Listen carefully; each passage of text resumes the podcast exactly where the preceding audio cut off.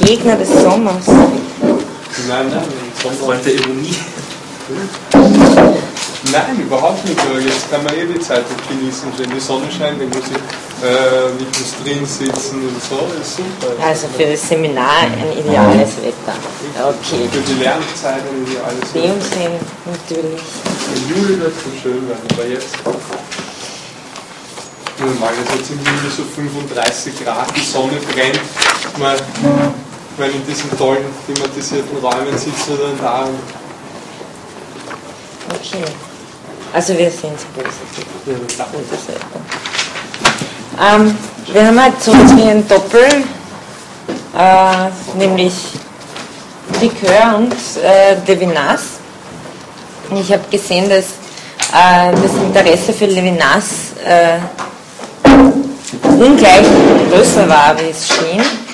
Trotzdem möchte ich zumindest ein halbes Stündchen noch auf den äh, Likör verwenden, weil der äh, sowas wie ein Übergang darstellt. Mein Likör, äh, haben wir eh gesehen, hat sowas wie eine sehr indikative Vorgehensweise äh, und versucht wirklich in jedem Moment der Ethik das Moment der anderen ethischen Konzeption zu finden, also zwischen aristotelischer und kantischer Ethik hin und her, äh, dialogisierend. Und ähm, ich wollte deshalb noch aus diesem zweiten Punkt zur normativen Ethik äh, seine Argumentation kurz nachvollziehen, weil ich glaube, dass das äh, vielleicht ein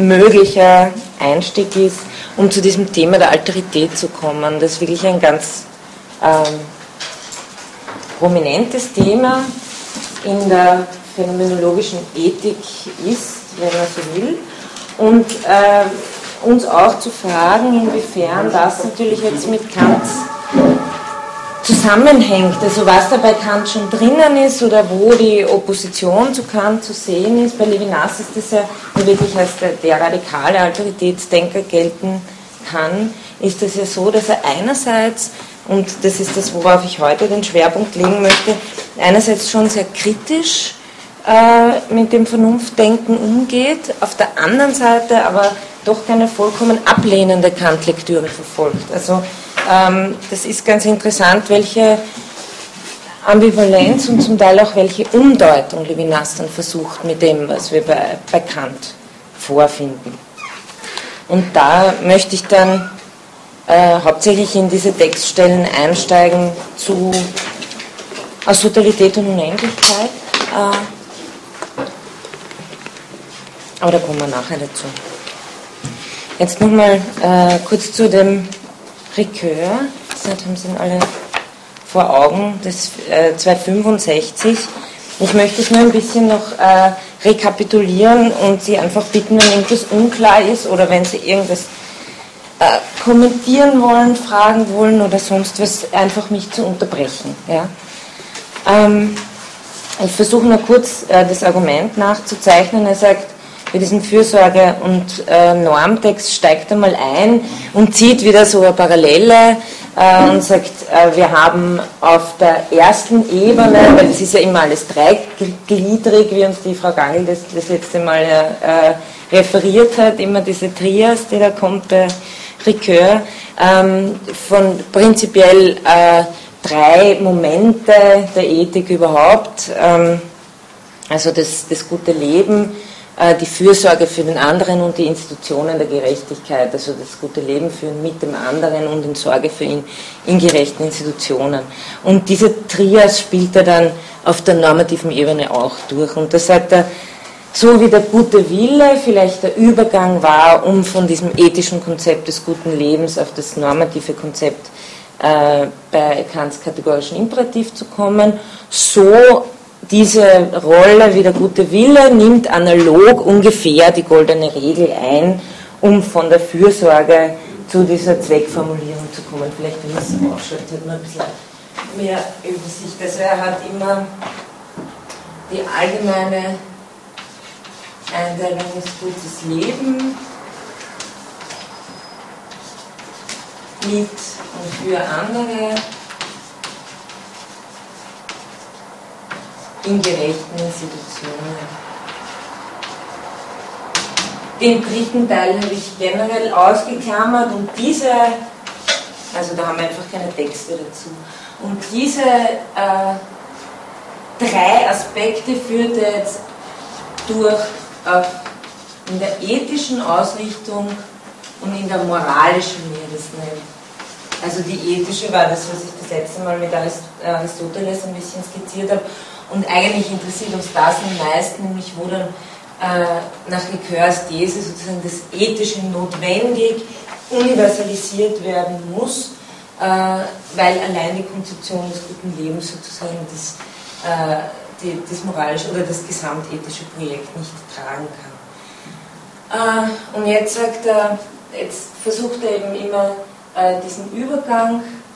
Wir haben da eben das gute Leben, Fürsorge und Institutionen und da haben wir, wenn man so will, den KI mit der Allgemeinheitsformel, also Universalisierungsformel, da haben wir den KI mit dem Zweck und das dritte können wir uns schenken, weil das habe ich jetzt da auch nicht drinnen. Ähm, und dann sagt er, der Übergang, um vom guten Leben zu dieser Universalisierungsformel zu kommen, das ist das, was wir das letzte Mal äh, gemacht haben, ist die Thematisierung des guten Willens. Und jetzt sagt er, der Übergang, um von diesem Punkt den irgendwie in der normativen Ethik zu finden, liegt in diesem kategorischen Imperativ. Also das ist so irgendwie, damit Sie ein bisschen einen Überblick haben, das ist bei Ricoeur ein sehr integrativer Entwurf. Man könnte auch sagen, er vereinigt alles mit allem. Also es gibt da wenig Ecken und Kanten, aber das ist eben auch die Art seines hermeneutischen Vorgehens, immer das eine im anderen zu finden. Okay, so. Und äh, was ist die goldene Regel? Das kennen wir ja eh. Äh, er zitiert da auch nochmal aus, äh, aus dem Alten und Neuen Testament, aus dem Talmud. Äh, also was du nicht willst, dass man dir tut, das fügt auch keinem anderen zu, in der Form, wie wir es meistens lernen.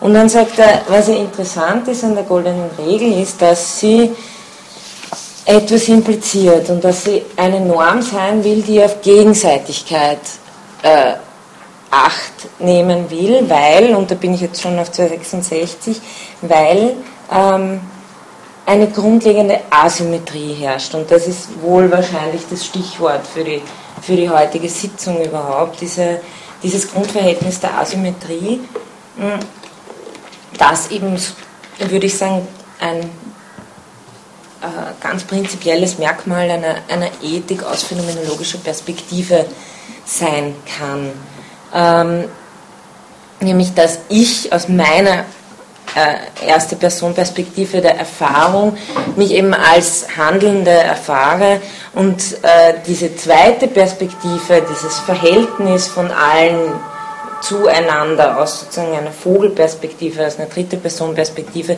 wäre erst die Leistung eines abstraktiven Schrittes der Vernunft. Und es geht um diese Rückkehr zu dem asymmetrischen Verhältnis, auf das Hirikör mit Levinas vor allem äh, seinen Finger legt.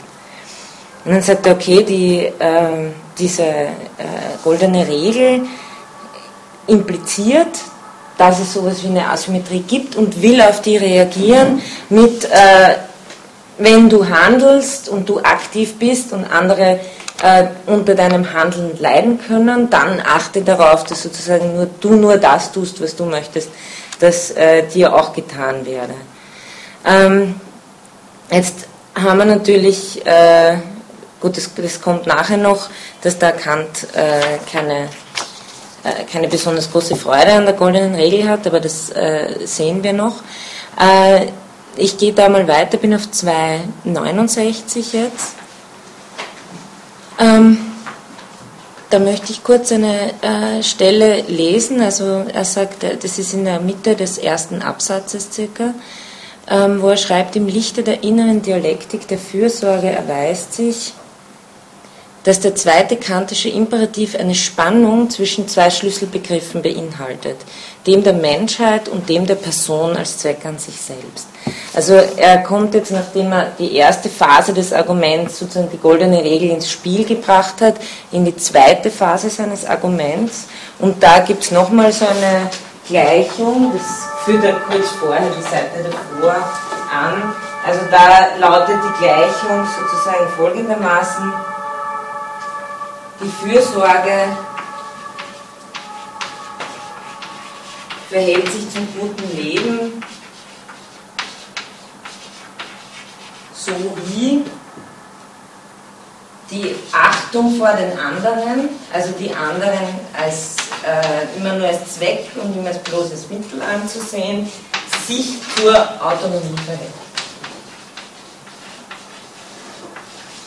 Also das ist die moralische Ebene und das ist die ethische Ebene. Das ist es, worauf er hinaus will. Und so wie das gute Leben durch die Universalisierung durch musste, um äh, normativ formuliert werden zu können, so ist jetzt die These, äh, wird, die, ach, also wird die Fürsorge im KI2, also in diesem zweckformulierten kategorischen Imperativ umformuliert. Das ist das Rekurs-Gebäude jetzt wieder. Und wie, wie versucht er das herauszudestillieren? Also er sagt äh, eben, es gibt da eine Spannung in diesem äh, Imperativ und äh, die lautet, äh, die, die ist eben festmachbar zwischen dem allgemeinen Begriff der Menschheit und dem der Personen, der vielen Personen, die als Zwecke an sich selbst auftreten. Und jetzt sagt er, in seiner ersten äh, ethischen, in seinem ersten ethischen Entwurf da, den wir nicht gelesen haben, hat er dies, die, den Übergang vom ersten zum zweiten einen Sprung genannt.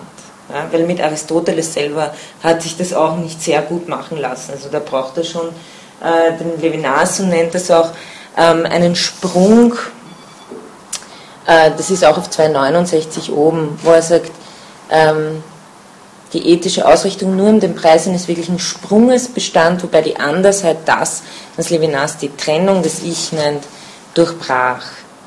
Ja, also dass, dass das Ich sich als unterschieden setzt von allem anderen, ist ein Moment, das durch die Andersheit äh, durchbrochen wird. Zu, des, zu, dem kommen wir dann noch genauer mit Levinas. Aber auf jeden Fall ist es da ein Sprung. Und jetzt aber bei Kant, das ist ja, also ich, ich erinnere daran, das ist ja wirklich nicht so einfach, wenn wir genau nur dem kantischen Text folgen, wenn Sie sich erinnern können. Äh, wie das auf einmal daherkommt mit dieser zweiten Formulierung des kategorischen Imperativs. Das ist, also er, Kant erklärt uns, dass das eigentlich nur, ich glaube, was sechs Formulierungen sind in der Grundlegung, dass die alle nur äh, verschiedene Aspekte dieses einen Gesetzes aussagen. Aber Ricoeur ist nicht der Erste, der bemerkt, dass äh, gerade diese Zweckformel doch scheinbar etwas Neues da reinbringt in das Ganze. Und ähm, er, er, zitiert ja auch äh, Kant selber, falls Sie den Kant-Text nicht da haben, dann ist es auf 272 unten bei Ricoeur nochmal zitiert, ähm, wie Kant es einführt. Einfach nur zur Erinnerung.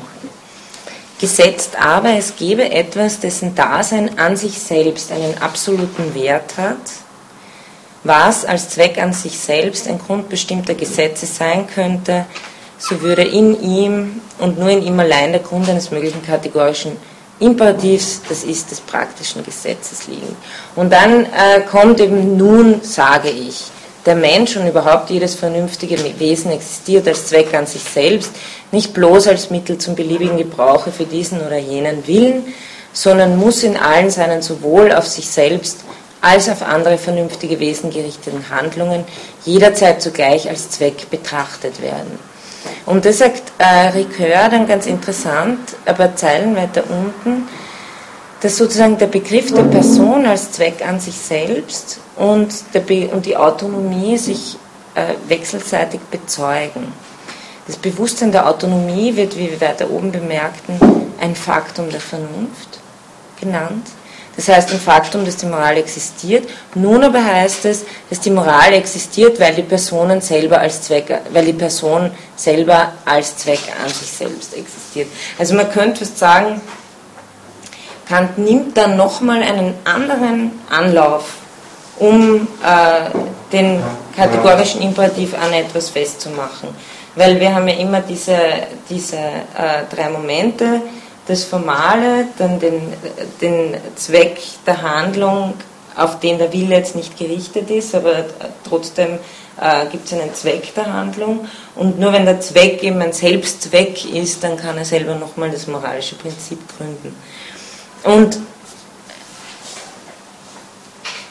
was jetzt Ricoeur, worauf Ricoeur, um nochmal äh, da 269 zurückzukehren, worauf er aufmerksam macht, ist, dass eben da eine gewisse Spannung drin ist, weil Kant äh, spricht davon, eben die, äh, also unten auf Fußnote 34 auf 268 finden Sie die Formulierung, handle so, dass du die Menschheit sowohl in deiner Person als in der Person eines jeden anderen jederzeit zugleich als Zweck, niemals bloß als Mittel brauchst. Also da fungiert ja die Menschheit, wie mit, mit Heidegger geschärften Ohren lesen wir jetzt ja schon äh, da nicht die, die Menschheit als Gattung aus, sondern das, was den Menschen als Menschen auszeichnet, so wie die Tierheit, äh, die, die Menschheit, das Wesen äh, der Freiheit oder des Menschen. Aber äh, da ist sowohl die Einheit als auch die Vielheit vertreten. Und Ricoeurs Argument äh, entwickelt sich jetzt folgendermaßen. Also ich, ich lese das da noch ein bisschen weiter, auf 269 in der Mitte. Die Idee der Menschheit als eines singulären Begriffs wird im Anschluss an die abstrakte Allgemeinheit eingeführt, die das Autonomieprinzip ohne Ansicht der Person beherrscht. Dagegen verlangt die Idee der Person als Zweck an sich selbst, die Pluralität der Personen zu berücksichtigen, freilich ohne diese Idee bis zur Andersheit führen zu können. Nun zielt aber Kants gesamte ex explizite Argumentation darauf ab, die durch die Idee der Menschheit und das Autonomieprinzip gewährleistete Kontinuität zu Ungunsten einer unausgesprochenen Diskontinuität zu privilegieren. Also die Diskontinuität ist gekennzeichnet durch die plötzliche Einführung der Idee des Zwecks an sich und der Personen als Zweck an sich selbst. Also Ricoeur meint zuerst, er bringt es auf, kehrt es aber dann doch wieder, nimmt es doch wieder zurück zugunsten eines Begriffs wie die Menschheit, die wieder eine ähnliche ähm, Singularität darstellt, wie schon vorher der Begriff der, der Universalität oder der Autonomie. Ähm,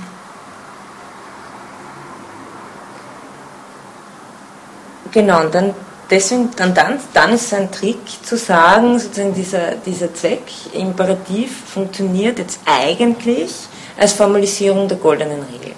Also was Kant hier eigentlich gemacht hat, ist das, was zuerst äh, sozusagen im Volksmund vorhanden ist, als goldene Regel auf die Höhe zu bringen einer einer normativen Ebene, die eben nicht diese, wir haben das das letzte Mal ja gehabt, diese ganzen Unsicherheitskriterien wie Empirie und so weiter duldet. Und ähm, weil was passt dem Kant natürlich nicht in der goldenen Regel.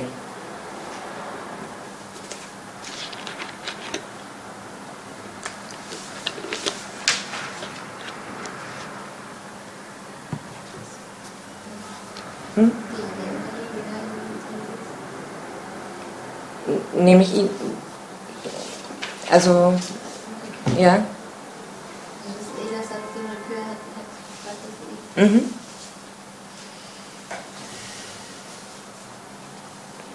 Was ist gefährlich an der. Also, so, warum, warum reicht die goldene Regel nicht? Weil, weil das wieder das Universum, also dann wird sie wieder eine Universalisierbarkeit, äh, die wird, mhm. dann sie wieder scheitern und dann wieder an diesem Ausgangspunkt von den Üblichen. Ja, ja, das jetzt, den anderen haben wir zwar mit einbezogen, aber ich messe es ja an meiner Neigung sozusagen. Also der Parameter für die goldene Regel ist, was du nicht willst, dass man dir tut. Naja, geht von einem Subjekt aus, das schon moralisch ist, oder das schon ähm, zumindest nicht äh, masochistisch ist und so weiter. Ja.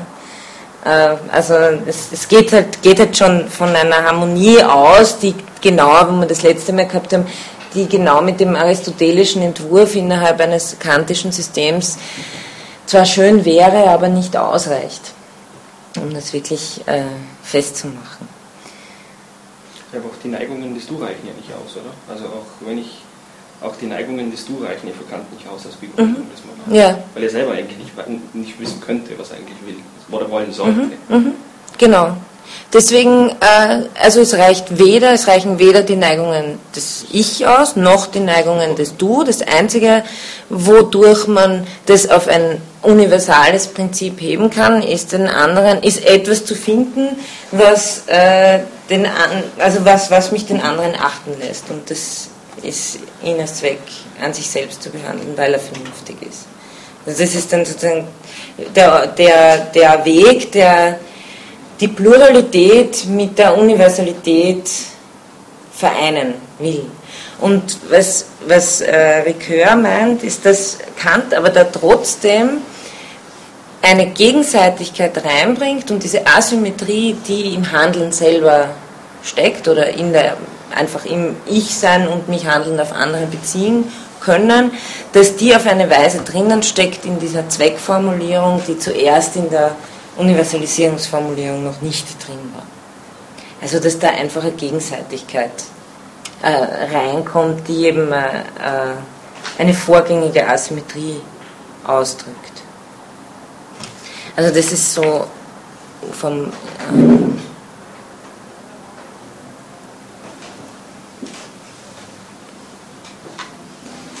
genau, also auf 271 so circa wieder in der Mitte des Absatzes.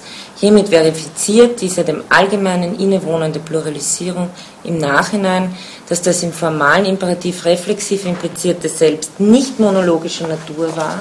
Also so kann man umgekehrt sagen, von Anfang an ist diese Universalität eine gewesen, die nicht monologisch war, sondern für die möglich diese Pluralität äh, ein also ein, ein, einzuschließen, sondern lediglich indifferent gegenüber der Unterscheidung von Personen und in diesem Sinn zu einer Einschreibung in das Feld der Pluralität der Personen fähig. Und dann sagt er, okay, wunderschön, dadurch, dass man das jetzt, äh, das Universalitätsprinzip durch äh, Zweck an sich selbst auch ähm, pluralisiert haben, ist es fein, nur was Probleme aufwirft ist, würde das Argument für den Primat des kategorischen Imperativs sich in seiner allgemeinen Formulierung selbst genügen, so würde es im Verhältnis zur zweiten Formulierung des Imperativs dazu führen, der den Personen in ihrer Mannigfaltigkeit geschuldeten Achtung jegliche Originalität abzusprechen.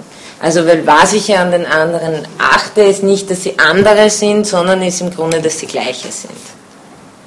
Also diese, diese die, ich glaube, worauf ähm, Ricoeur hinweisen will, ist, dass eine Pluralität, und das äh, sagt er, ähm, ähm ich glaube äh, auf der nächsten Seite, aber das an, Wurzel, an der Wurzel einer Pluralität äh, steht im Grunde genommen die Alterität. Sonst löst sich die Pluralität in die Universalität auf. Weil sonst ist das, was wir an den, sonst, wenn ich sage, wir sind jetzt alle Personen, aber das, was an uns zu achten ist, ist sozusagen nur der Vernunftteil, der an uns gleich ist, dann ist das, was in uns verschieden ist, dann sieht man ja nach der Struktur des Arguments, eigentlich können, kann nur unsere kontingente Leiblichkeit inklusive kontingenten Neigungen, äh, also alles das, was, was wir nicht, was wir, wo wir nicht dieselben sind, da sind wir plural. Ergo ist die Pluralität selber äh, dann die, äh, also dann, dann, ist die Frage wirklich, äh, was, was hier die Pluralität bedeutet und ob man das kann so. Ich glaube, Ricoeur will selber offen lassen. Ricoeur will sagen, woher Kant das hat, ist nicht, dass er so denkt, sondern er hat ja trotzdem sozusagen diese Erfahrungsdimension im Auge bei der zweiten Formulierung. Ja. Ja, ich würde nur wissen wollen, Kant hat ja, ähm, hat ja eigentlich seine Pflicht getan, indem er zumindest gezeigt hat, dass diese Vernunft, also dass das Allgemeine mhm. ein Selbstzweck ist. Zumindest glaubt er, das mhm. gezeigt zu haben. Aber müssten wir dann nicht zeigen, dass dieses, was übrig bleibt, auch irgendeine Form von Selbstzweck darstellt, sodass wir dann erst die Forderung der Achtung stellen könnten. Wären wir nicht genauso dazu verpflichtet? Und wie könnten wir das machen? Und wie vor allem könnten wir es überzeugend als Kant machen, als Kant äh, bezogen jetzt auf die Vernunft, weil gerade da fand ich ihn überhaupt nicht überzeugend. Mhm. Also, ja, die Frage ist schon, ob man das, ob man von dieser Struktur überhaupt ausgehen soll. Okay. Dass man sagt, äh, die, äh, sie, das ist ein bisschen Vernunft und ein bisschen Neigung, ich, ein bisschen Vernunft, ein bisschen Neigung, also ob man wirklich diese Linie äh, durch die Subjekte durchziehen sollen, weil da werden wir nie auf was anderes kommen als äh, einen, einen, einen Empirismus, der mit einem A priori konkurriert. Also da werden wir sozusagen immer, immer in dieser Diskussion stecken. Und äh, die, das andere Konzept, das äh, den Levinas vorschlagen wird, ist von, von, einem, von einer ganz anderen Struktur auszugehen und Rationalität auch anders zu denken. Also nicht sie zu streichen, aber es in einem anderen Bedingungsverhältnis zu denken. Aber ich glaube, was, was Ricoeur hier, Ricoeur und auch Levinas, vor allem ich, nächste Stunde möchte ich mehr auf die positive Lektüre von äh, Levinas von Kant hinweisen, heute ein bisschen eher auf die Unterschiede. Ähm, beide scheint mir lesen Kant doch positiv, weil sie ihm zumindest unterstellen oder in ihm etwas sehen, was über seinen eigenen Text hinausgeht. Also Levinas in dieser Spontaneität der Güte des Willens und Ricoeur jetzt in dem, dass er sagt, eigentlich reflektiert er ja dieses, äh, diese ursprüngliche Angesprochenheit, Fürsorge, Dimension. Sonst hätte er es nicht, sonst, sonst hätte ihm ja die Universalisierungsformel gereicht. Also das. Äh, ähm, ja.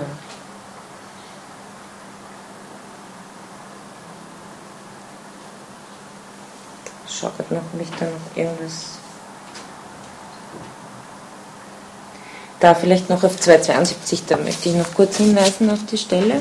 Also oberes Drittel. Ähm, da verweist er wieder auf diese heimliche Diskon Diskontinuität. Der Parallelismus des Arguments verbirgt jedoch die heimliche Diskontinuität, die die Idee der Person als Zweck an sich selbst einführte. Etwas Neues wird gesagt, wenn die Begriffe Materie und Gegenstand der Pflicht mit denen des Zweckes an sich selbst identifiziert werden. Ist es ungefähr klar, was er da meint?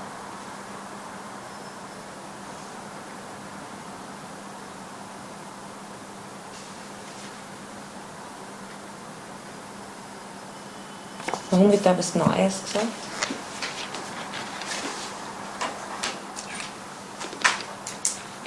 Also es nur weiter. Dies, diese vorgebrachte Neue ist genau mit dem identisch, was die goldene Regel auf der Ebene der Volksweisheit aussprach, bevor sie durch das Raster der Kritik hindurch musste. Denn es ist in der Tat ihre grundlegende Intention, die hier geklärt und geläutert aus dieser Kritik hervorgeht. Was nämlich bedeutet, die Menschheit in einer Person und in der des anderen als ein Mittel zu behandeln, als über den Willen des anderen jene Macht auszuüben, die sich noch voller Zurückhaltung in der Beeinflussung in allen Formen der Gewalt entfesselt und in der Folter gipfelt? Und was ermöglicht dieses Abgleiten der Gewalt der Macht, wie sie ein Wille über einen anderen ausübt, wenn nicht die anfängliche Asymmetrie zwischen dem, was der eine tut und dem, was dem anderen getan wird? Die goldene Regel und der Imperativ der den Personen geschuldeten Achtung haben nicht nur das gleiche Betätigungsfeld, sie verfolgen auch die gleiche Absicht dort Gegenseitigkeit zu etablieren, wo Mangel an Gegenseitigkeit herrscht. Und hinter der goldenen Regel taucht die der Fürsorge innewohnende Intuition einer wirklichen Andersheit an der Wurzel der Pluralität der Personen wieder auf. Also ich glaube, die, diese ähm, nicht reduzierbare Andersheit kann man nur, weil die, die, die ist in einem solchen Schema, ähm, ist, die, ist die nicht drinnen. Ja? Diese nicht reduzierbare Andersheit kann nur aus der ersten Personenperspektive behauptet werden, aus der man dann äh, dieses aktiv, also Handeln und Erleiden des Handelns überhaupt erst zu einem ethischen Prinzip machen kann. Weil von oben herauf, also das, was ähm, bei, bei Kant, ja, das haben wir das nächste Mal auch noch ein bisschen mehr, was Levinas thematisiert, ist bei Kant die Formulierung des kategorischen Rechtimmperativs, ist ja nur das Verhältnis der Willen zueinander nach einem allgemeinen Prinzip. Also das ist wirklich nur, ähm, wenn ich da verschiedene Subjekte habe, äh, ist das Recht das proportionale Verhältnis äh, der Willen zueinander, oder ja, vielleicht wäre es, es wäre vielleicht besser, richtiger, das so zu zeichnen. Also es geht das Verhältnis meiner Freiheit so lang, bis ich nicht die Freiheit des anderen beeinflusse. Das ist das, äh, der kategorische Imperativ bekannt bezüglich der Legalität, nicht bezüglich der Moralität. Also das, was das äußere Verhalten betrifft. Warum ich mich dann so verhalte und mit welchem Motiv, das ist wieder Sache meiner Moral. Aber äh, man hat da, schaue ich sozusagen runter und da, da ist Pluralität einfach Pluralität und nicht an der Wurzel einer irreduziblen Andersheit.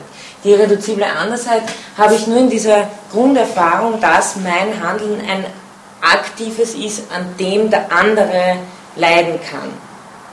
Also das, und, und ich glaube, was Ricoeur sagen will, ist, dass diese Erfahrung an der Basis auf einer höheren abstraktiven Ebene aufgenommen ist, indem man den anderen als Zweck an sich selbst behauptet. Weil so, ich meine, was, was ich ganz interessant finde, ist, dass er sagt, das eine bezeugt das andere, so wie ich das Faktum der Vernunft erfahre,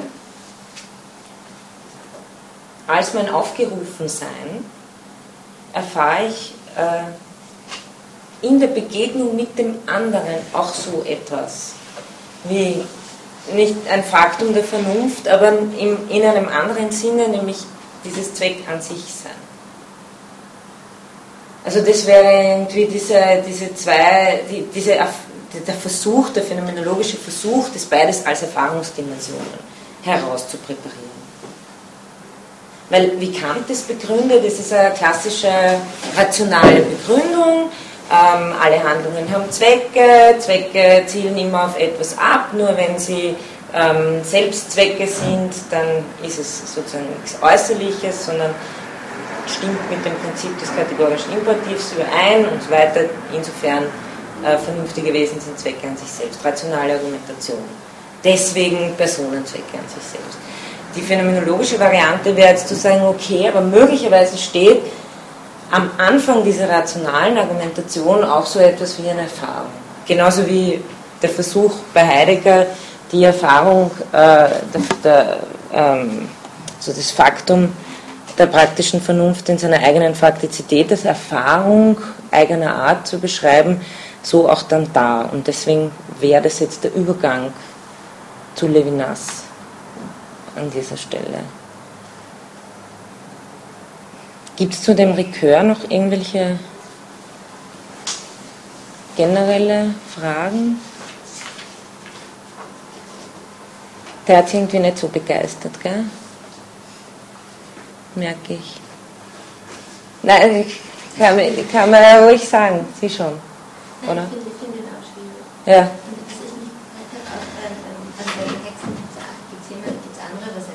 Ja, ich finde die Übersetzung auch, obwohl der Jean Gresch ist eigentlich frankophon, ne, muttersprachlich.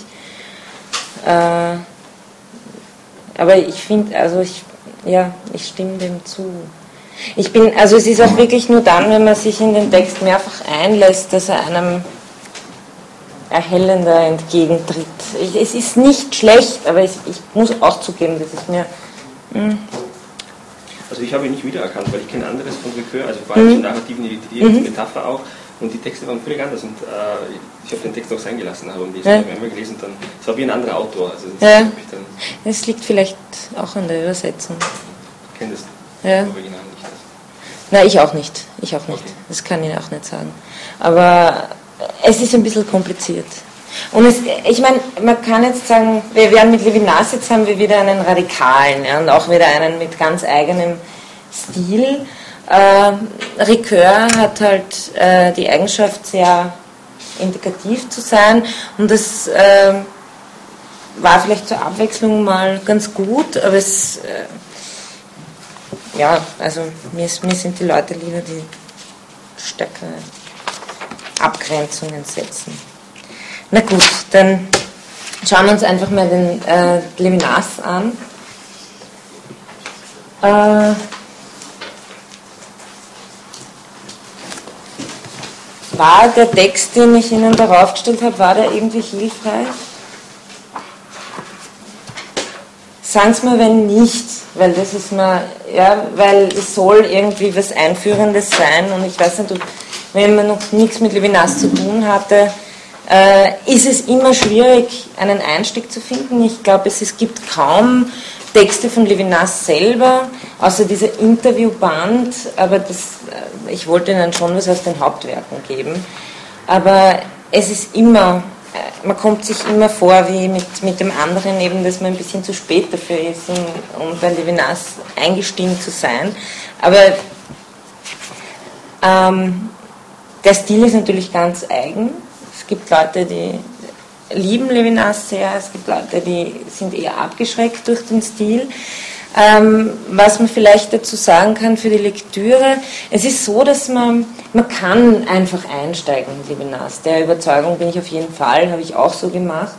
Äh, es ist nur so, dass wenn man es dann, wenn Sie es jetzt in zwei, drei, vier Jahren lesen und dazwischen was anderes gelesen haben, wird Ihnen plötzlich auffallen, dass der ungefähr in jedem dritten Satz eine Anspielung auf die Philosophiegeschichte macht. Und äh, Levinas jemand ist, der in, im großen Stil auch immer, so ein typischer frankophoner Autor, ähm, ohne Fußnoten zu machen, die Philosophiegeschichte thematisiert. Äh, es macht nichts, wenn man nicht alle Andeutungen sofort versteht.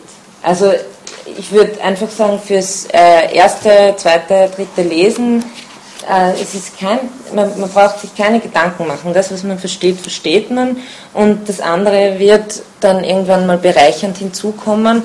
Aber Sie können gar nicht anfangen damit, probieren Sie es auch nicht bei so einem französischen Text, sei es jetzt Levinas, Derrida, Foucault, Deleuze, keine Ahnung.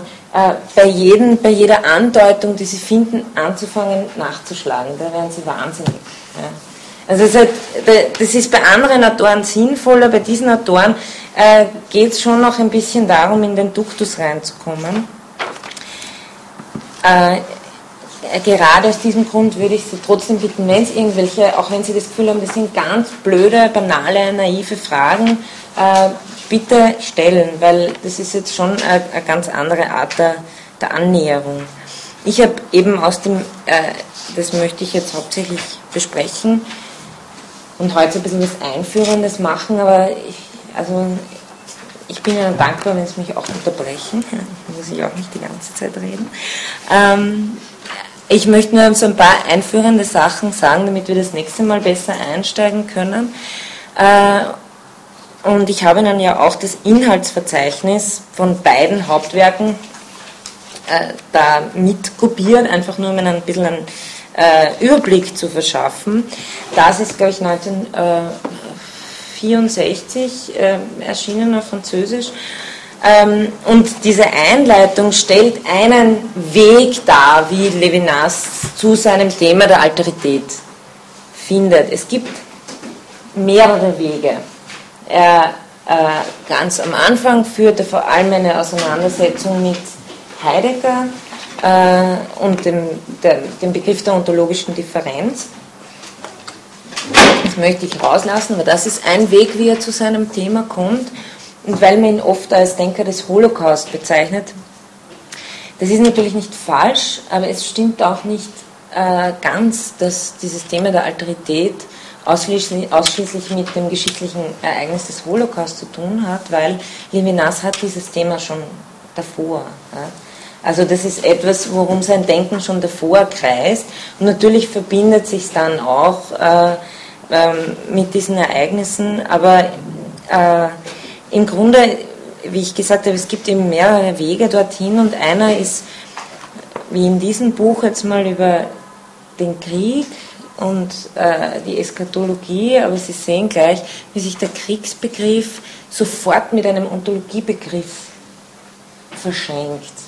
Also, dass es Levinas im Grunde genommen um eine Kritik der gesamten abendländischen Philosophie geht äh, und dass er dieses Denken im Namen des anderen aufsprengen möchte. Und das hat zu tun mit diesem äh, Primat der Ethik. Äh, vielleicht steigen wir einfach gleich ein in, in dieses Vorwort von, von Totalität und Unendlichkeit. Ähm, er sagt da, die, eben diese, äh, im, im, philosophischen Denken zeigt sich das Sein als Krieg. Ja. Äh, die permanente Möglichkeit des Kriegs droht. Oder auf Seite 20, der Krieg errichtet eine Ordnung, zu der niemand Abstand wahren kann. So gibt es nichts Äußeres, der Krieg zeigt nicht die Exteriorität und das andere als anders. Er zerstört die Identität desselben.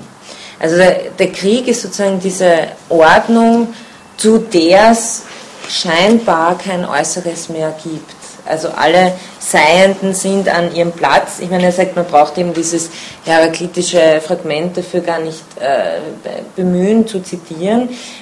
Denken Sie zum Beispiel nur an Hobbes. Ja? Also äh, das Sein wird oft aufgefasst als, wie ich es da aufgezeichnet habe, ein, ein potenzielles Kollidieren von Seienden, ein potenzielles Kollidieren von Individuen, das sich innerhalb einer gesamten Totalität bewegt. Und die Vernunft ist das Vermögen in der Philosophiegeschichte, diese Totalität zu überblicken. Er sagt das jetzt äh, eben auf 20 dann nochmal unter dem was ich bereits gelesen habe.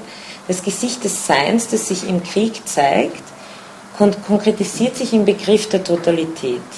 Dieser Begriff beherrscht die abendländische Philosophie. Also da wird natürlich einerseits gespielt mit der totalen Herrschaft, aber andererseits ist das auch das Ganze äh, ein Anrennen gegen Hegel. Ja?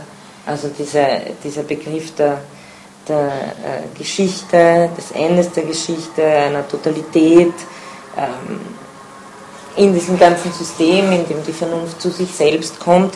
Das ist etwas, wo Levinas sagt, das Denken ist immer ein Denken desselben oder es ist bestenfalls wie in der Bewegung des Odysseus, es kehrt immer zu sich zurück. Und wenn es die Reisen macht in die entferntesten Länder, es kommt letztlich immer wieder auf sich zurück, denn Erkennen ist letzten Endes äh, demselben einverleiben, also assimilieren. Und was Levinas machen möchte, ist wirklich diese äh, Alterität, die, die Idee einer Alterität zu verfolgen und dem zu widerstehen, ein Wissen davon zu verkünden.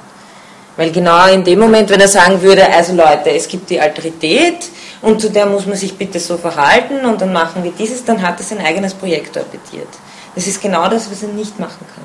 Das heißt, er muss, man, man kann das auch ähm, im Text wirklich nachweisen an der Art, wie er schreibt. Äh, er vermeidet gerade bei solchen Sachen immer so äh, Propositionen, Aussagesätze, sondern formuliert das eher immer in Konjunktiven. Und es geht eher um, um ein Bezeugen dieser Andersheit. Weil zunächst sind wir mal konfrontiert einfach mit der Ontologie, der Ordnung des Seins. Äh, die Seienden sind in einer Gesamtheit vereint und da hat mal die Alterität keinen Platz. Also ich, ich, ich nehme ihm ein paar Stellen raus und versuche so ein bisschen den Text durchzugehen. Und auf Seite 21 ähm, sagt er dann, äh, die Moral erhebt sich gegen die Politik, sie geht über die Klugheit mit ihren Funktionen und über die Regeln des Schönen hinaus. Sie erhebt Anspruch auf Unbedingtheit und Universalität. Meine, mein, meine These ist ein bisschen die, dass auf der einen Seite Levinas der ist, der diametral im Gegensatz zu Kant steht, auf der anderen Seite, äh, dass wir bei Levinas eigentlich fast nur bei Levinas denselben rigorosen Anspruch finden, dieselbe Strenge finden, die wir bei Kant finden, wenn er vom Vernunftbegriff schreibt. Also Levinas wird, geht sogar noch darüber hinaus, deswegen habe ich Ihnen auch diese relativ ähm, starken Stellen aus Jenseits des Seins noch mit reingenommen, äh, damit man irgendwie ein Gefühl dafür kriegt, wie weit das bei Levinas geht. Äh, aber äh, dieses Primat des anderen ist in ähnlicher Rigorosität vertreten wie bei Kant das Primat der Vernunft gegen die Neigung. Also wenn das Ich, das mit dem anderen konfrontiert ist, entspricht ungefähr den, den Neigungen, die mit, der, die, mit der, äh, die mit der Vernunft konfrontiert sind. Das ist so ein bisschen ähm, etwas, was ich im Hinterkopf habe. Ähm, da wollte ich nur sagen, äh, bei Kant gibt es ja in Zum ewigen Frieden, glaube ich, oder ist im Gemeinspruch, äh, gibt es ja auch diese, diese Überlegungen, kann ein Politiker überhaupt moralisch sein? Also wo er, gegen, wo er Politik und Moral äh, gegeneinander äh, antreten lässt. Also das klingt da auch ein bisschen nach. Aber Levinas übernimmt diesen Anspruch der Unbedingtheit und wir werden sehen, inwiefern er das mit Universalität verknüpft. Ähm, man sagt, äh, gegen diese Ontologie tritt die Eskatologie des messianischen Friedens an. Weitere Fußnote, die natürlich wichtig ist. Klar ist äh, Levinas als äh, gläubiger Jude jemand, der auch äh, sehr stark im theologischen Bereich gearbeitet hat. Ähm, aber er hat es selber immer sehr stark getrennt. Also es gibt wirklich seine Talmud-Lektüren und es gibt seine philosophischen Schriften. Und er wollte, äh, dass man das auch äh, in verschiedener Weise rezipiert. Und man kann jetzt, es gibt natürlich genug Leute, die sagen, naja, das ist halt alles nur Theologie. Ja? Ähm, umgekehrt würde ich sagen, oder äh, wäre, wäre das einmal erst als Theologie zu etablieren. Natürlich kann man sagen, wenn man Gott denken will, dann kann man ihn nur denken in dieser Alteritätsfigur. Das nicht, nicht jede Theologie funktioniert aber so. Also gehen Sie mal auf die katholische Theologie, da gibt es verschiedene Möglichkeiten, wie, man, äh, äh, wie, wie hier Theologie betrieben werden kann. Ähm, was aber die Ethik betrifft, ist Levinas muss keine Aussagen machen, die theologisch sind, um über Ethik sprechen zu können. Also es ist etwas, ich habe keinerlei Ambitionen, das theologisch zu lesen. Ich äh, äh, sehe das sehr wohl als möglich, die Theologie hier rauszuhalten. Also es ist nicht notwendig, äh, von Gott zu sprechen, damit man von diesem ethischen Anspruch reden kann, den Levinas versucht zu beschreiben. Also das nur als äh, kleine Fußnote, damit man hier nicht irgendwie kalte Füße bekommt, wenn manchmal von äh, äh, theologischen Begriffen die Rede ist. Die kommen nämlich schon sehr stark rein. Ja, ähm, ja vielleicht äh, auf 22 äh, schreibt er dann ein bisschen was über die, die Eskatologie setzt uns also das sind die nach so sechste, siebte, achte Zeile. Die Eskatologie setzt uns in Beziehung mit dem Sein jenseits der Totalität oder der Geschichte. Also die Eskatologie, die von den letzten Dingen handelt. Und nicht mit dem Sein jenseits des Vergangenen und Gegenwärtigen. Sie setzt uns nicht in ein Verhältnis zu der Lehre, die die Totalität vielleicht umgibt, Lehre, in der man beliebig glauben könnte, was immer man möchte um so die Rechte einer Subjektivität zu, zu fördern, die frei wäre wie der Wind. Sie ist Beziehung zu einem Meer, das immer außerhalb der Totalität ist, als ob die objektive Totalität nicht das wahre Maß des Seins erfüllte, als ob ein anderer Begriff, der Begriff des Unendlichen, diese Transzendenz im Verhältnis zur Totalität ausdrücken müsste. Eine Transzendenz, die in der Totalität nicht aufgehen kann, ebenso ursprünglich ist wie die der Totalität. Also wenn man jetzt nur äh, diese zwei Denkfiguren haben, dann ist das eine dieses äh, Durchgehen in den vernünftigen Schritten, bis man sozusagen das, das Sein des Seienden oder den absoluten Begriff oder wie auch immer, aber das Sein in seiner Ganzheit verstanden hat, in seiner Totalität. Und Levinas sagt, was ebenso ursprünglich ist, ist der Begriff des Unendlichen, der sich hier niemals einfangen lässt. Also das ist einfach eine Denkfigur, der er mal folgt. Ähm, und äh, interessant ist ja, wie er, wie er sagt, die, ähm, die Unendlichkeit ist etwas, die sich als, äh, also da sagt er das Jenseits, ein paar, ein paar Zeilen weiter drunter, ähm, diese Transzendenz im Verhältnis zur Totalität ausdrücken müsste, eine Transzendenz, die in der Totalität nicht aufgehen kann und ebenso ursprünglich ist wie die Totalität. Freilich ist die Beschreibung dieses Jenseits der Totalität und objektiven Erfahrung nicht bloß negativ. Also nicht negative Theologie. Ja? Gott ist nicht das, nicht das, nicht das, nicht das. Es ist nicht bloß negativ. Das Jenseits spiegelt sich wieder innerhalb der Totalität und der Geschichte innerhalb der Erfahrung. Also da sehen Sie jetzt den ganz stark phänomenologischen Zug von Levinas, eine sehr eigene Phänomenologie, die natürlich sehr stark ähm, von Heidegger, aber, aber auch von Husserl inspiriert ist. Also ähm, Levinas, Klammer, ist er, der hat ja die erste Übersetzung von Husserl auf Französisch gemacht, die kartesianischen Meditationen, und hat sozusagen Husserl eigentlich nach Frankreich gebracht. Äh, aber er ist natürlich auch sehr stark Heidegger verpflichtet. Und es ist eine Phänomenologie, die am Phänomen das aufspürt, was sich entzieht, was nicht sich offenbart. Ähm, das ist sozusagen dieser Grundzug, wie Levinas Phänomenologie macht. Und das, wenn man so will, ist auch der Einsatzpunkt, wenn man sich jetzt die Frage stellt, wie, fang, wie fängt das Ganze eigentlich an? Warum soll ich, warum soll ich dieser Idee des anderen nachgehen, die nie eine Erkenntnis sein kann. Und wenn man das phänomenologisch machen will, so wie es der spätere Levinas auch macht, dann ist es ein Einsatzpunkt der Erfahrung, nämlich der der Störung, wie Levinas das später nennt. Es, etwas in meinem Erfahrungshorizont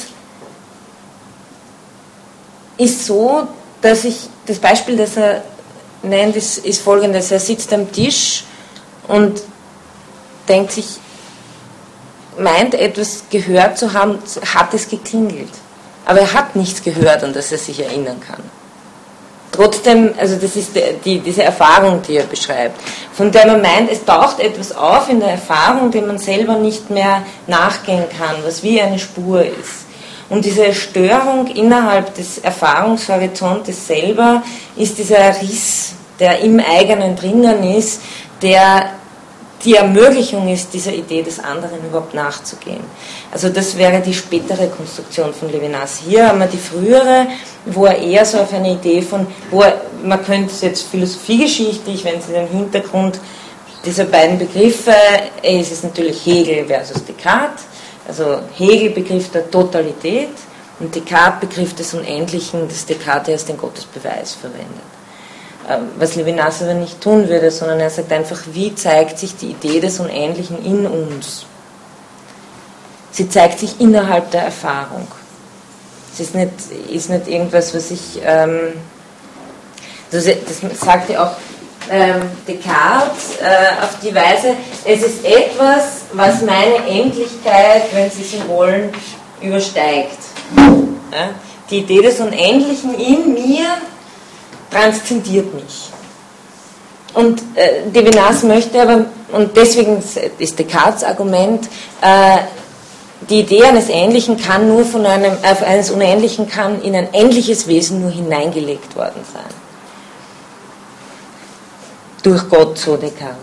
Ähm, Levinas, äh, wenn Sie so wollen, ähm, bringt das einfach auf Erfahrungsboden und sagt, wenn ich mit dem anderen zu tun habe, und da geht er auch sehr, da geht er in dem Punkt sehr stark, arbeitet er mit Husserl, die originäre Unzugänglichkeit des anderen Bewusstseins. Äh, das erfahre ich in der Begegnung mit dem anderen. Denn die Zugänglichkeit, also die, die, die Evidenz des anderen ist bei Husserl, dass es sich permanent entzieht. Das ist die Gegebenheitsweise des anderen. Und das arbeitet Levinas radikal aus, soweit es irgendwie geht.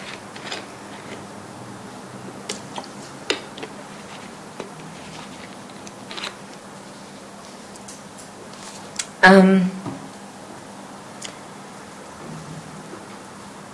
vielleicht auf 23 unten.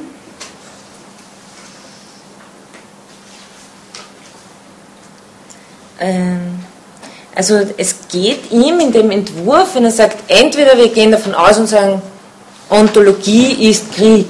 Ja?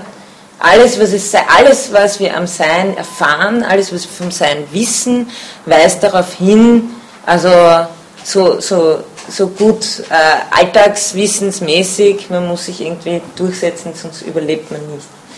Ähm, das Seiende ist darauf programmiert, sozusagen gegeneinander in einer Totalität sich zueinander, gegeneinander zu verhalten.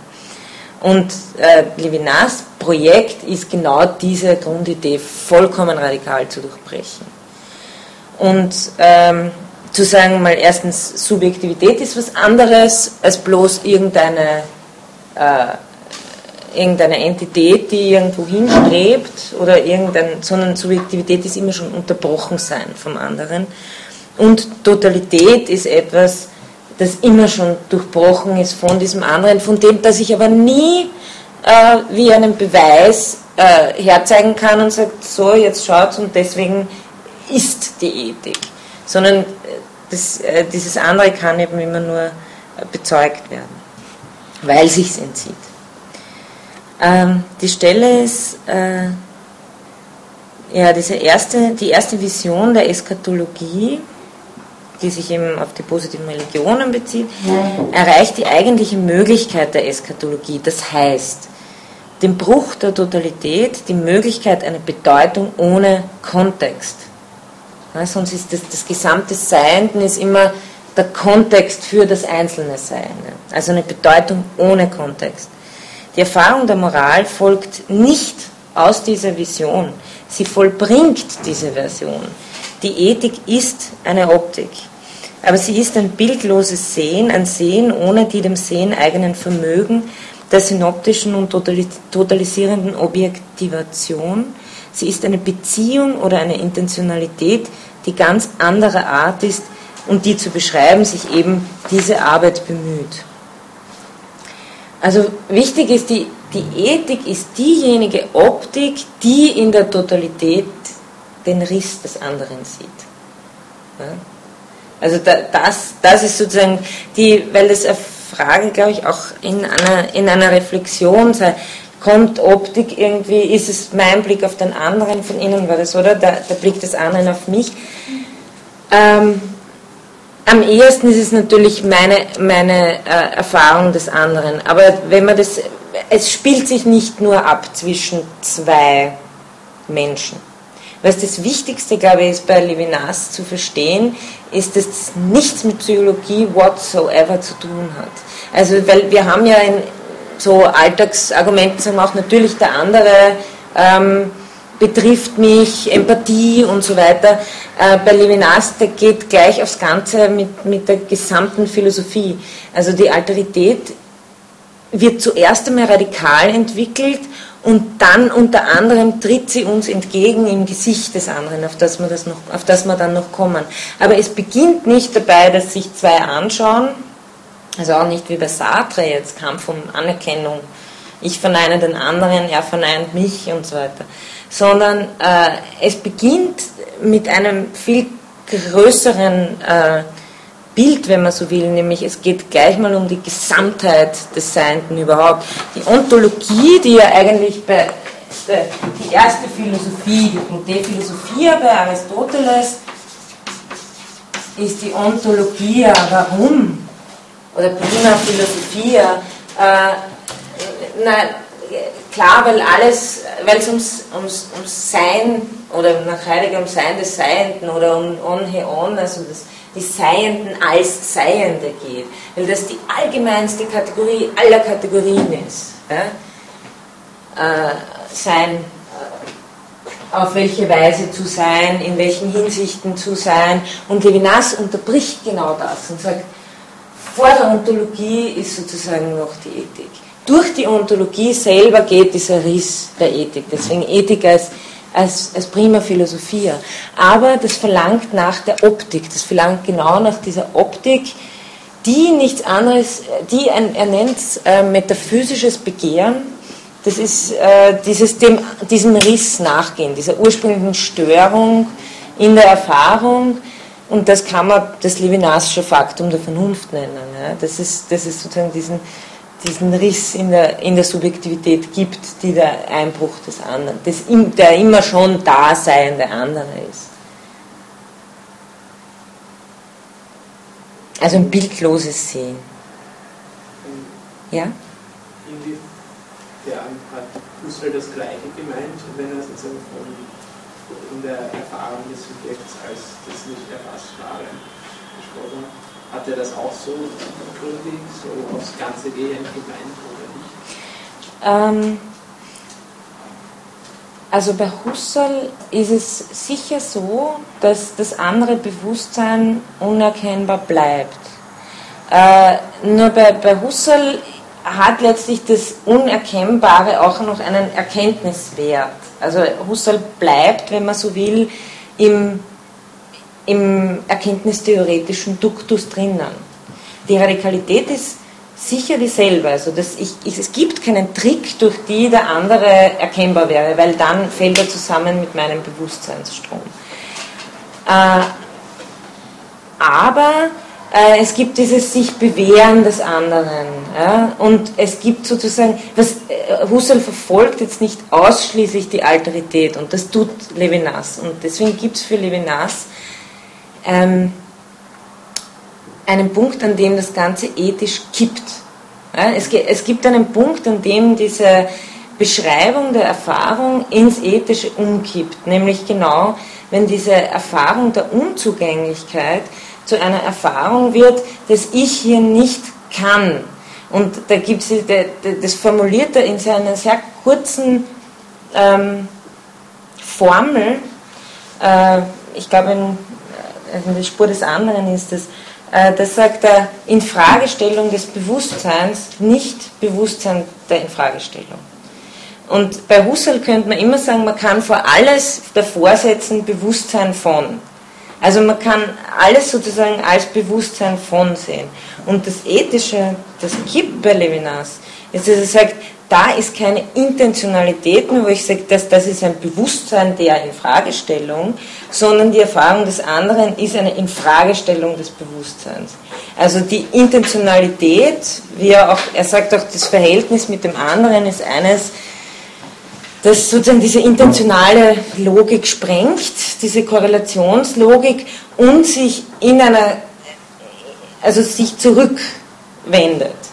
Und diese ethische Erfahrung ist eben die, sich selbst als mein, mein, mein Platz an der Sonne ja, wird, wird mir dadurch äh, bewusst. Aber was sicher, also es ist sehr viel von Husserl drinnen, aber es ist eben ethisch radikalisiert. Nur was, was, sich, was bei Levinas sicher ähm, ganz charakteristisch ist für seine Ethik, ist, dass er diese erste Person-Perspektive durchhält auf Biegen und Brechen. Was ich noch konkreter meinte, ist, dass man sagen kann, dass die Erfahrung des anderen als unfassbar so die gleiche ist, von der beide ausgehen. Mhm. Ja, ja. Also bei Husserl finden Sie das in der fünften kartesianischen Meditation. Äh, da redet er eben von der äh, originären Unzugänglichkeit des anderen. Also davon, dass äh, da fragt er sich wirklich, was ist die Erfahrung des alter Ego? Und er redet eben von einem alter Ego, das heißt, es ist schon äh, ein, ein Ego. Ja? Also das ist, äh, da ist etwas, wo, wo Levinas immer sagt, nein, wenn es wirklich alteritär ist, dann kann ich nicht mehr darüber sagen, als dass es alteritär ist. Also da ist, Husserl weiß schon, dass er da von einem menschlichen Gegenüber und so weiter redet. Bei Levinas geht es ja so weit, ähm, dass das, was er das, das Gesicht oder das Antlitz nennt, als paradigmatische Erfahrung der Alterität, ist ja das die Stelle, die ich äh, Ihnen in dem kleinen Text, da, das ist ein, ein, ein ganz aufschlussreiches Zitat, da sagt er, wenn Sie einen Mund, eine Nase und Augen oder irgend sowas sehen, dann haben Sie keine ethische Erfahrung. Dann sehen Sie den anderen an, wie man eben ein Objekt ansieht. Der, der Witz des Antlitzes ist, dass, dass keine Augenfarbe sehen. Also, dass sich genau das entzieht. Das heißt aber auch, das Antlitz ist, nie ein, ist, nie das, ist nicht das Gesicht. Das Antlitz kann ja an einem Rücken aufgehen oder es kann sogar es kann mir potenziell überall aufgehen. Weil, wenn ich schon weiß, an welchen Seienden ich die Alteritätserfahrung mache, dann ist schon wieder weg. Ja?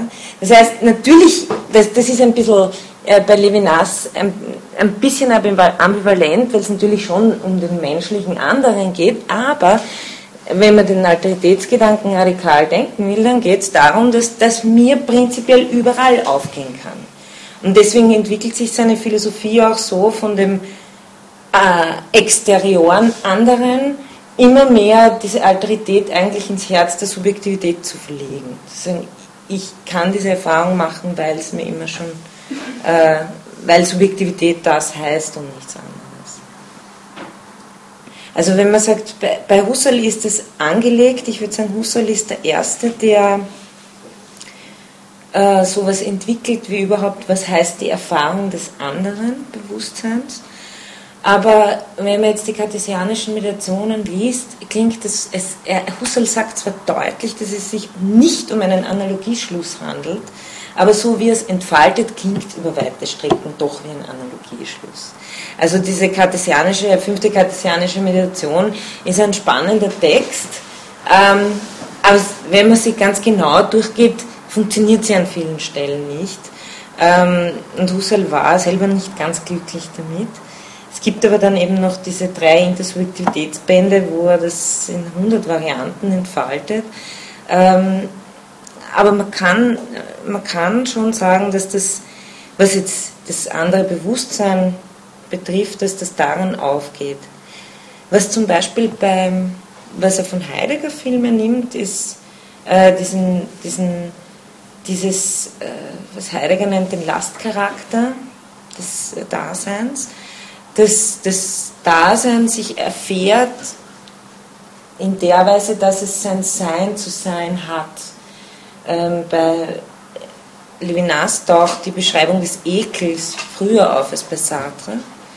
Äh, bei, bei, Heidegger ist es äh, auch, auch, die Langeweile, die da vorkommt. Also diese existenziellen Erfahrungen, wo dem Dasein klar wird, dass es aus seinem Sein nicht raus kann und das als Last erfährt. Und das nimmt äh, Levinas jetzt von Heidegger und sagt, das ist sozusagen auch diese Spur schon, die sich legt, diese Unerträglichkeit des Selbstseinmüssens, die sich zum, das ist eines seiner frühesten Werke, das heißt De l'Evasion, also Ausbruch aus dem Sein, ähm, raus sozusagen aus dieser Identität mit mir selbst. Und das geht, das kann ich selber nicht. Das geht nur in der Verantwortungsbeziehung zum anderen. Also das ist, äh, das ist sozusagen so wieder noch so ein Strang. Also es gibt viele verschiedene Wege, die, die Levinas dahin führen.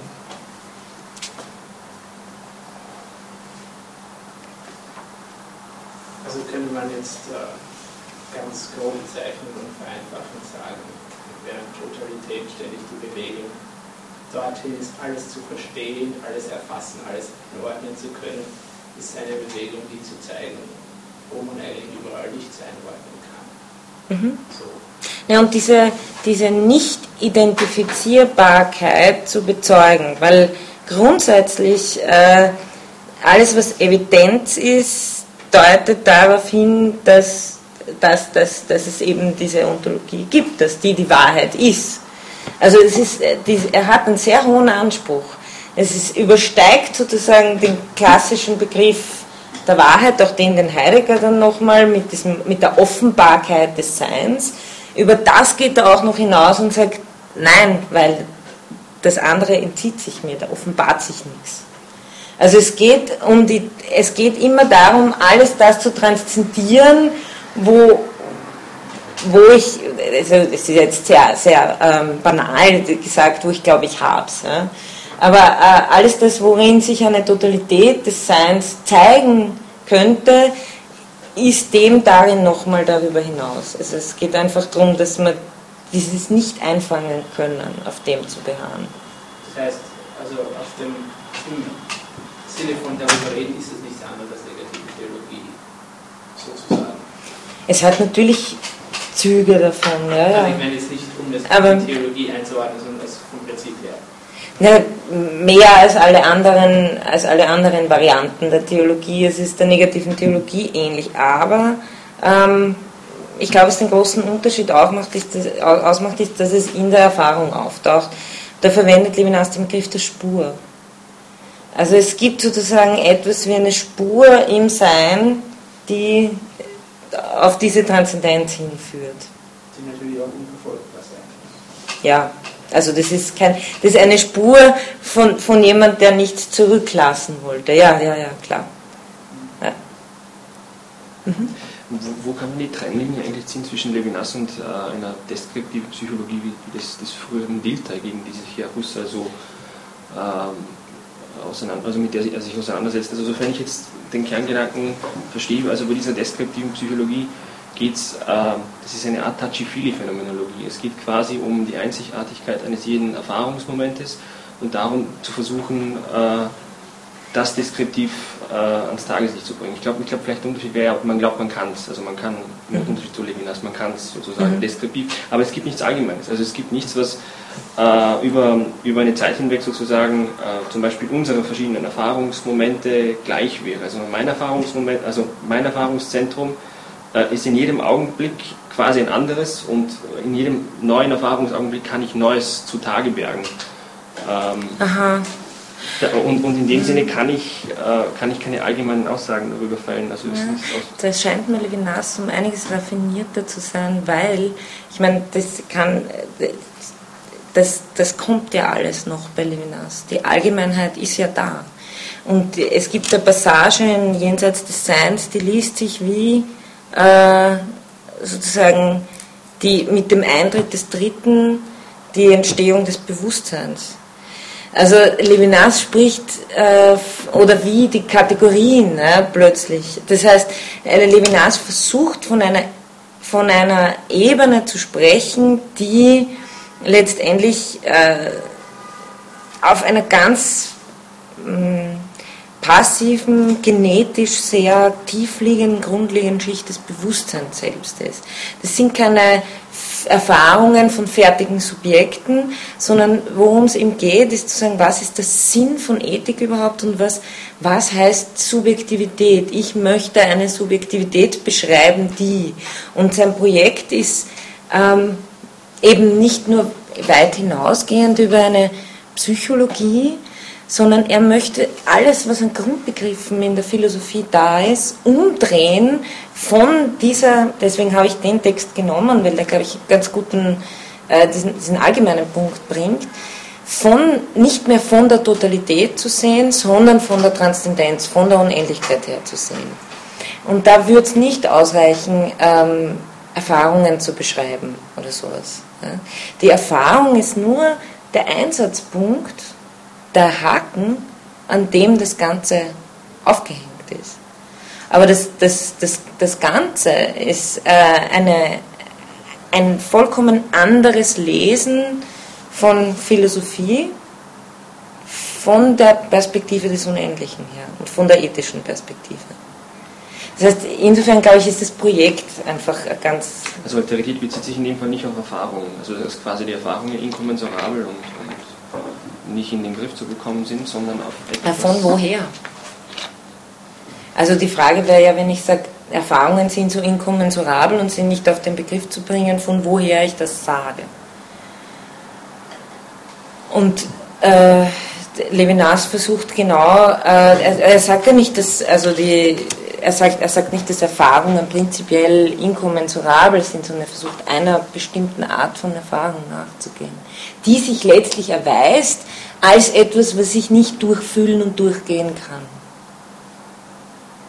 Es ließe sich aber doch, wie Sie vorher schon angeführt haben, sagen, dass es nicht unmöglich ist, dass in jeder Erfahrung sich eine solche Spur mhm. zeigt. Mhm. Aber das ist ein, ja. Ein Ansatzpunkt, aber ja. Aber, aber, aber mir scheint es eher so wie ein Aussagesatz zu sein, zu sagen, Erfahrungen sind inkommensurabel. Ja, richtig. Das wäre zu wenig ja, das, wär, das, das, das wird, wird nicht funktionieren. Ja. Das tue ich wieder von woher, deswegen habe ich gemeint, ähm, da habe ich schon wieder auch ein Gesamtpicture, von dem ich sage, Erfahrungen sind in, inkommensurabel, Punkt, weil Evidenz, Evidenz, Evidenz, Evidenz. Und das ist eben die klassische Vorgehensweise. Aber ähm, bei Levinas startet das von einem anderen Punkt her. Es ist, es ist ein bisschen äh, bisschen tricky, da einzusteigen. Also es geht auch wirklich, es ist, äh, deswegen ist aber gut, dass wir zum Beispiel äh, den Heidegger vorher gelesen haben, der eben so hinführt, auf das zu sagen, okay, um überhaupt was zu verstehen, muss man schauen, auf welcher Ebene da gesprochen wird und dann kann man das einsteigen. Es verhält sich nicht unähnlich mit Levinas. Aber er sagt eben, ich meine, was er damit schon berührt, ist eine Grundfrage der Ethik überhaupt. Weil die Frage, da gibt es ja genug Bücher, die danach benannt sind, warum moralisch sein oder warum ethisch sein oder sowas, ja, ist eine Frage, die man letztendlich nicht beweisen kann. Daran muss jede Ethik scheitern, sonst ist sie keine mehr. Äh, und, und genau das versucht Levinas, wie ich meine, sehr äh, genau an diesem Punkt einzuhaken und sagen, der Sinn der Ethik ist genau der, dass die Ethik eben eine Optik ist, ein Nachgehen äh, von etwas anderem, also von etwas anderem gerufen, aufgerufen zu sein und letztlich hier nie mehr, also in einer anderen Ordnung zu stehen. Nie mehr in dieser, in dieser philosophischen Ordnung äh, der klassischen ontologischen Sprache zu stehen.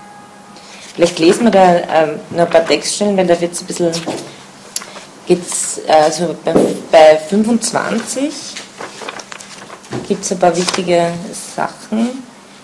Ähm, er sagt, er redet eben äh, über die Philosophie und sagt, ist nicht die Philosophie diejenige, die sie mit Evidenzen zu tun hat und dadurch eigentlich überhaupt nicht mit dieser Andersheit ähm, in Berührung kommen kann, sagt er dann, es sei denn, oben auf 25, die philosophische Evidenz wiese von sich aus auf eine Situation zurück, die nicht mehr in der Sprache der Totalität gesagt werden kann. Auf welche? Auf die Subjektivität. Evidenz verweist auf Subjektivität. Ja. Ähm, springen wieder ein bisschen.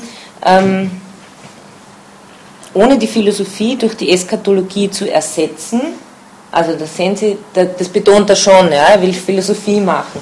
Bei dem Menschenrechtstext, ich weiß nicht, du bist noch drin, aber er sagt, hier könnte man sagen, dass das die Stelle ist, in der Gott ins Denken einfällt. Einer guten Philosophie steht es aber nicht an, so zu denken. Also er, er möchte sozusagen wirklich auf dem philosophischen Weg machen. Ohne die Philosophie durch die Eskatologie zu ersetzen, ohne philosophisch die eskatologischen Wahrheiten zu beweisen, kann man von der Erfahrung der Totalität auf eine Situation zurückgehen, in der die Totalität zerbricht, während diese Situation die Totalität selbst bedingt.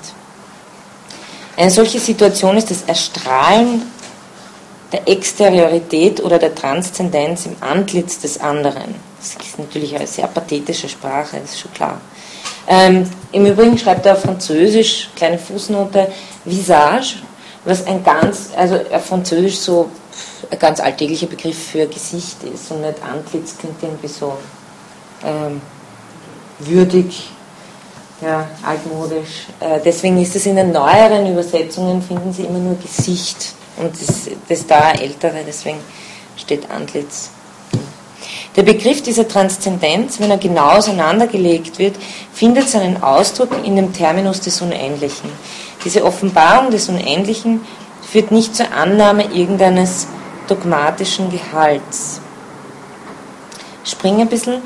Ähm, da geht es nämlich jetzt auch um diese Sache, auf die Ricoeur vorher hingewiesen hat, mit dem aktiven und dem passiven Moment der Asymmetrie des Gewaltausübens. Für den Geist besteht die Gewalt darin, ein Seiendes aufzunehmen, das ihm nicht adäquat ist. Widerspricht die Gewalt nicht dem Ideal der Autonomie, von dem sich die Philosophie, die in der Evidenz Herr ihrer Wahrheit ist, leiten lässt. Also da sehen wir schon, da bringt er was, da, da kommt ein Kant-Schlagwort. Ja. Ähm, jetzt haben wir, wenn, das ist, also da, mit Kant geht das spannungsmäßig um. Wenn Kant bloß das wäre, dann, äh, dann, dann könnte sozusagen könnte einfach sagen, böse Vernunft, böser Kant, böse Autonomie. Ähm, dazu entscheidet er aber sich nicht, also so platt ist er nicht. Ähm, und sagt, müssen wir nicht das, was Autonomie meinen soll als ethische Autonomie, im Grunde anders verstehen und nicht von einem Denken desselben her. Also das ist so ein bisschen das, was er verfolgt. Ähm, ja? Dass die, nein, das, das, kommt, das, das kommt noch. Ich hoffe, dass ich das äh, halt irgendwie noch äh, bringen kann. Dass das, was, äh, nein, will ich nicht ausmachen, äh, dass wir das das nächste Mal auf jeden Fall noch machen. Sucht er Gibt es eine Art Spannung Nein, wichtig ist mir, er sagt, er wird die Begriffe nehmen, die wir haben, äh, bekannt. Autonomie, wird sagen, im Grunde genommen radikale Heteronomie. Freiheit, Freiheit ist immer in Frage gestellte Freiheit. Äh, Vernunft, Vernunft ist nachträglich, zuerst kommt Verantwortung.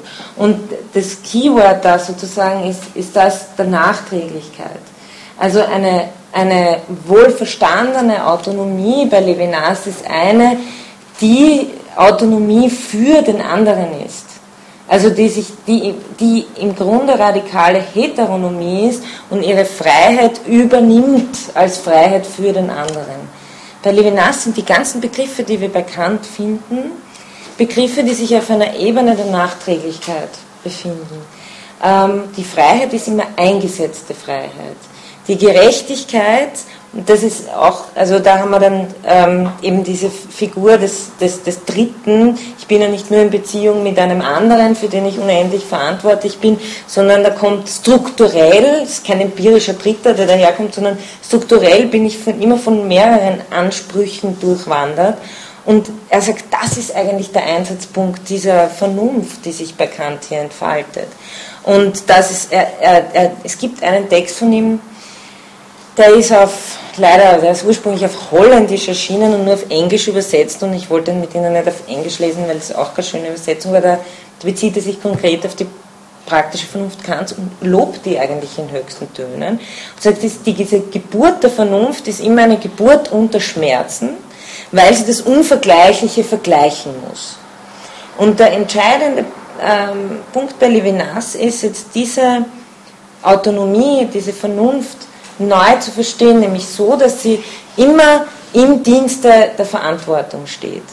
Also, dass wir dann sagen, wenn wir eine, äh, das ist kein strikter prinzipieller Rigorismus mehr möglich wäre dadurch, sondern dass Gerechtigkeit immer Gerechtigkeit im Namen der anderen ist und nie zum Selbstzweck werden kann. Das betrifft auch seine Staatstheorie dann und so weiter. Also Institutionen bei Levinas sind Institutionen, die immer für den alteritären Anspruch offen bleiben müssen. Die niemals in sich selbst genau, fixiert sein können. Genau, genau. Also deswegen bejaht er im Grunde genommen diese ganzen Strukturen schon, aber, und das ist entscheidend, er, er sagt, sie sind nachträglich. Und vorgängig ist ihnen diese Struktur der Subjektivität, die er halt, also das ist immer die Frage, wie steigt man in Levinas ein? Wo fang, weil es ist nicht so, dass zuerst die Subjektivität da ist, die vom anderen unterwandert ist und dann kommt der dritte, kein zeitliches Verhältnis, sondern es ist ein genetisches Stufenbauverhältnis und man kann das sehr wohl als äh, Genesis auch im phänomenologischen Sinn lesen. Ja? Also zuerst vom anderen unterwandert sein und dieser, dieser Riss sozusagen, der ist der ist nie äh, zumachbar, sondern der kann jederzeit wieder die Logik unterbrechen. Was ja auch sehr, sehr talmudisch. Äh, ja, das, ja. Ja. Genau, ja. Genau. Ähm, was, was meine, ich meine, ich, wie soll man das das nächste Mal machen? Ich überlege das jetzt gerade. Ähm, Sie haben eh bei den Reflexionen, die waren eh, da waren ein paar Themen, die greife ich mir vielleicht noch raus, weil ich, hab, ich weiß ja, dass das sehr viel Text ist, ich habe das bewusst als Hintergrund eigentlich laufen lassen. Mir wäre es sehr recht, wenn Sie mir für die nächsten Reflexionen einfach nochmal Stichworte geben, sagen, äh, eben von demselben Text jetzt, Texthintergrund, den wir heute gehabt haben, sagen, das würde ich noch gern machen, das interessiert mich, weil was ich machen werde, ist gerade noch äh, eben vor allem diese, diese Stellen äh, zu, zu Kant äh, rauszugreifen. Ich möchte jetzt noch auf zwei kleine Sachen hinweisen, bevor ich uns in den Abend schicke. Nämlich auf 28, ähm, er sagt, ähm, eher oberes Drittel, das Ereignis des unendlichen Wesens kann nicht von der Idee des Unendlichen getrennt werden. Und dieses Überschreiten der Grenze geschieht gerade in der Unverhältnismäßigkeit zwischen der Idee des Unendlichen und dem Unendlichen, dessen Idee sie ist. Die Idee des Unendlichen ist die Seinsweise, also Heidegger, die Unendlichung, die Infinition des Unendlichen. Also da, das hat auch ganz stark von, von Heidegger gesagt. Heidegger hat uns gelernt, das Sein wieder als verbal zu hören zu können, als Vollzug. Und genauso ist es bei der Idee des Unendlichen. Es ist eine, die Erfahrung des anderen, des Unendlichen, ist ein Selbsttranszendieren als Vollzug, dieses Übernehmen der Verantwortung, ein von sich von sich selbst befreien, mehr oder weniger, von dieser Logik des Zurückkehrens. Seine Unendlichung geschieht als Offenbarung, wieder so ein theologischer Begriff, der aber schon in der Phänomenologie davor auftaucht, als Versenkung seiner Idee in mich. Die Unendlichung ereignet sich in dem unwahrscheinlichen Geschehen, in dem dasselbe, das Ich, nämlich ein getrenntes, in seiner Identität fixiertes Seiendes, Ich als Selbstseiendes, dennoch in sich enthält, was es durch bloße Kraft seiner Identität weder zu enthalten noch zu empfangen vermag. Also äh, hier sozusagen das, was mich aus meiner bloßen Identität als Seiendes unterwandert und rausholt.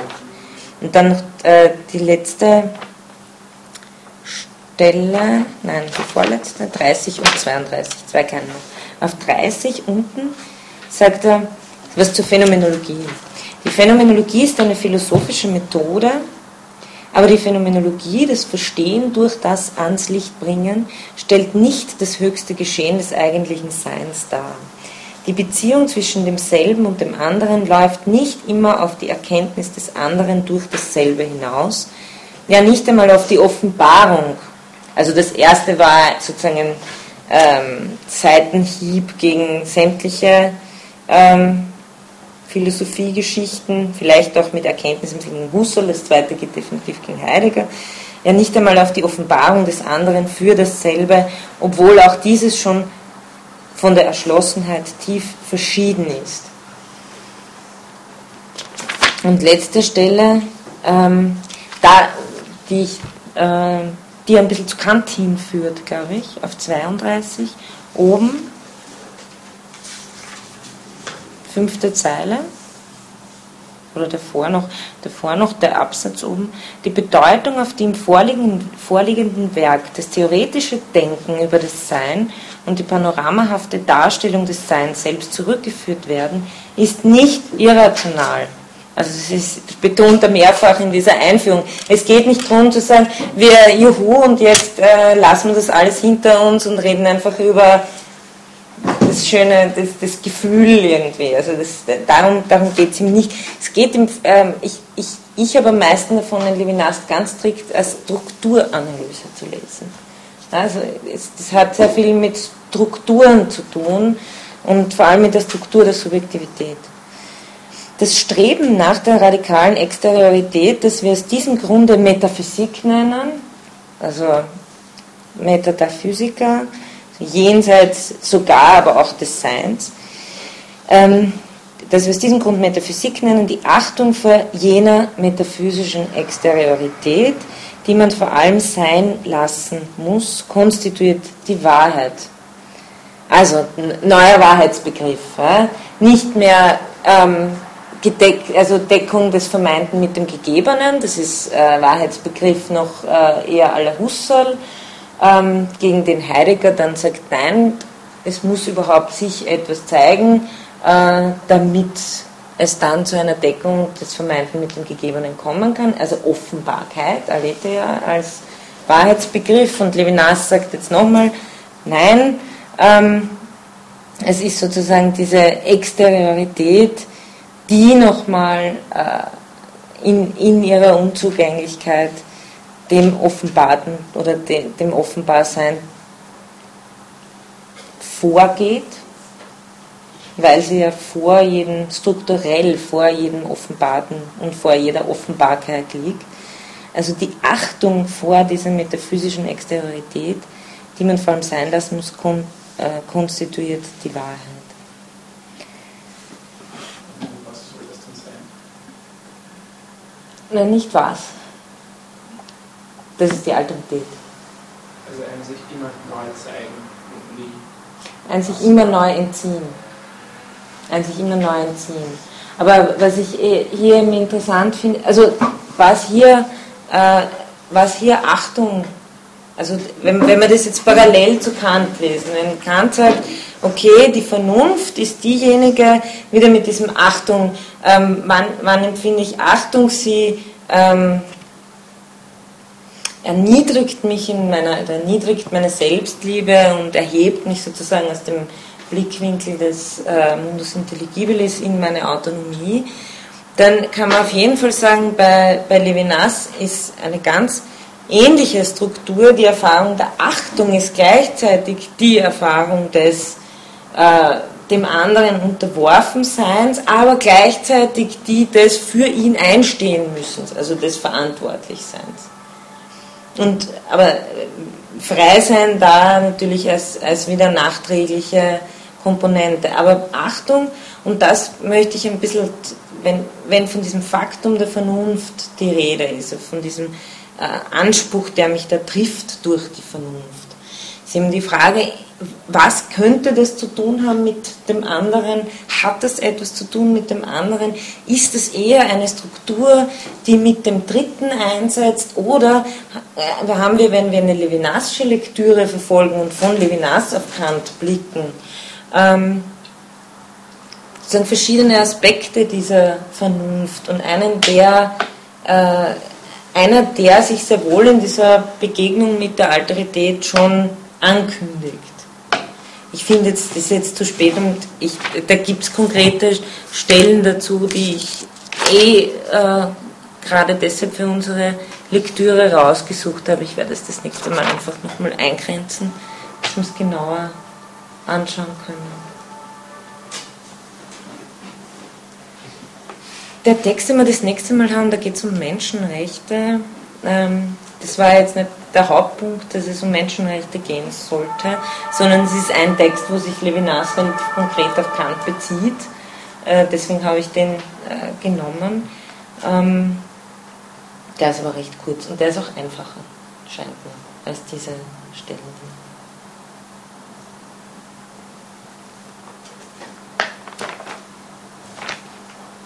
Okay, also ich würde Sie einfach nur bitten, noch ein paar, mir noch ein paar Brocken hinzuwerfen. Dann können wir das das nächste Mal nochmal verstärkt angehen und ich werde auch mehr auf die Reflexionen eingehen das nächste Mal, weil es ist eh schon einiges gekommen. Und soll man das so machen, dass ich, ich meine, Sie können sich nämlich auch gerne ein paar Stellen raussuchen aus den, aus den Texten, wo Sie sagen, ah, was ist da, das ist mir wichtig, das, also das kann man schon auch machen. Ich werde es auf jeden Fall auch machen, aber dass wir das ein bisschen bewältigen können, in, in diesen neuen Autor da einzustellen.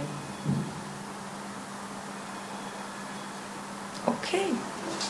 Ah, übrigens, wenn alle da sind, ähm, wie wäre es mit äh, etwas trinken gehen im Juni? Abend einmal. Ja? Ich habe, ich kann nämlich, kannst mal Ihren Kalender rausfinden. Die wichtigen Termine. Also ich, wie, wie wäre das denn zum Beispiel am Donnerstag,